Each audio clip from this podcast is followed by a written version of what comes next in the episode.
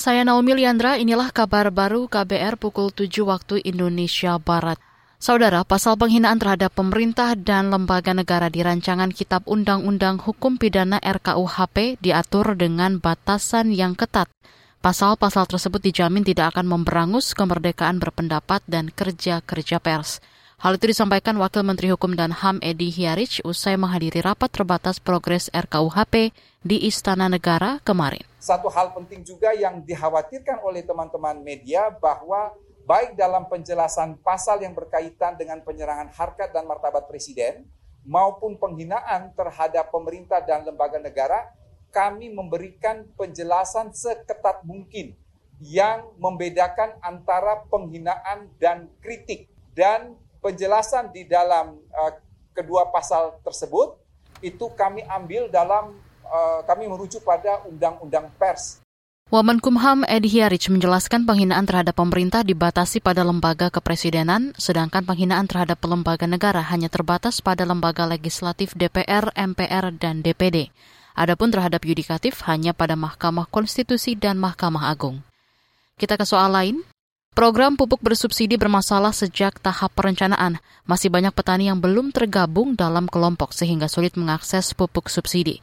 Selain itu, menurut Ketua Umum Asosiasi Distribusi Pupuk Indonesia Agung Wahyudi, ketersediaan pupuk subsidi juga belum mencukupi. Lambannya regulasi terkait alokasi pupuk turut memperparah permasalahan. Jadi di sini uh, permasalahan yang ada itu sangat kompleks.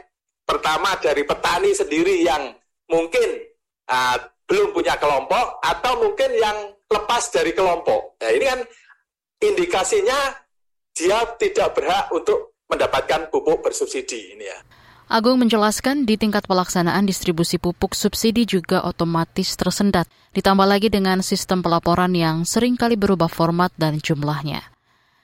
Kita beralih ke berita olahraga. Pebulu tangkis ganda putri Indonesia Apriani Rahayu Siti Fadia dipastikan bakal tampil di BWF World Tour Finals pada 2022. Apri Fadia mendapat undangan setelah ada pasangan yang mundur. Dengan demikian, Indonesia meloloskan tujuh wakil ke ajang bergengsi itu yang bakal dihelat di Bangkok, Thailand. Kehadiran Apri Fadia juga memastikan tim Merah Putih memiliki wakil di seluruh nomor.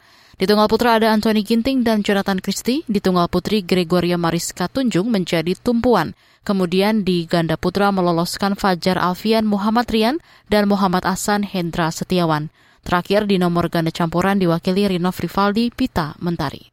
Demikian kabar baru, saya Naomi Liandra undur diri.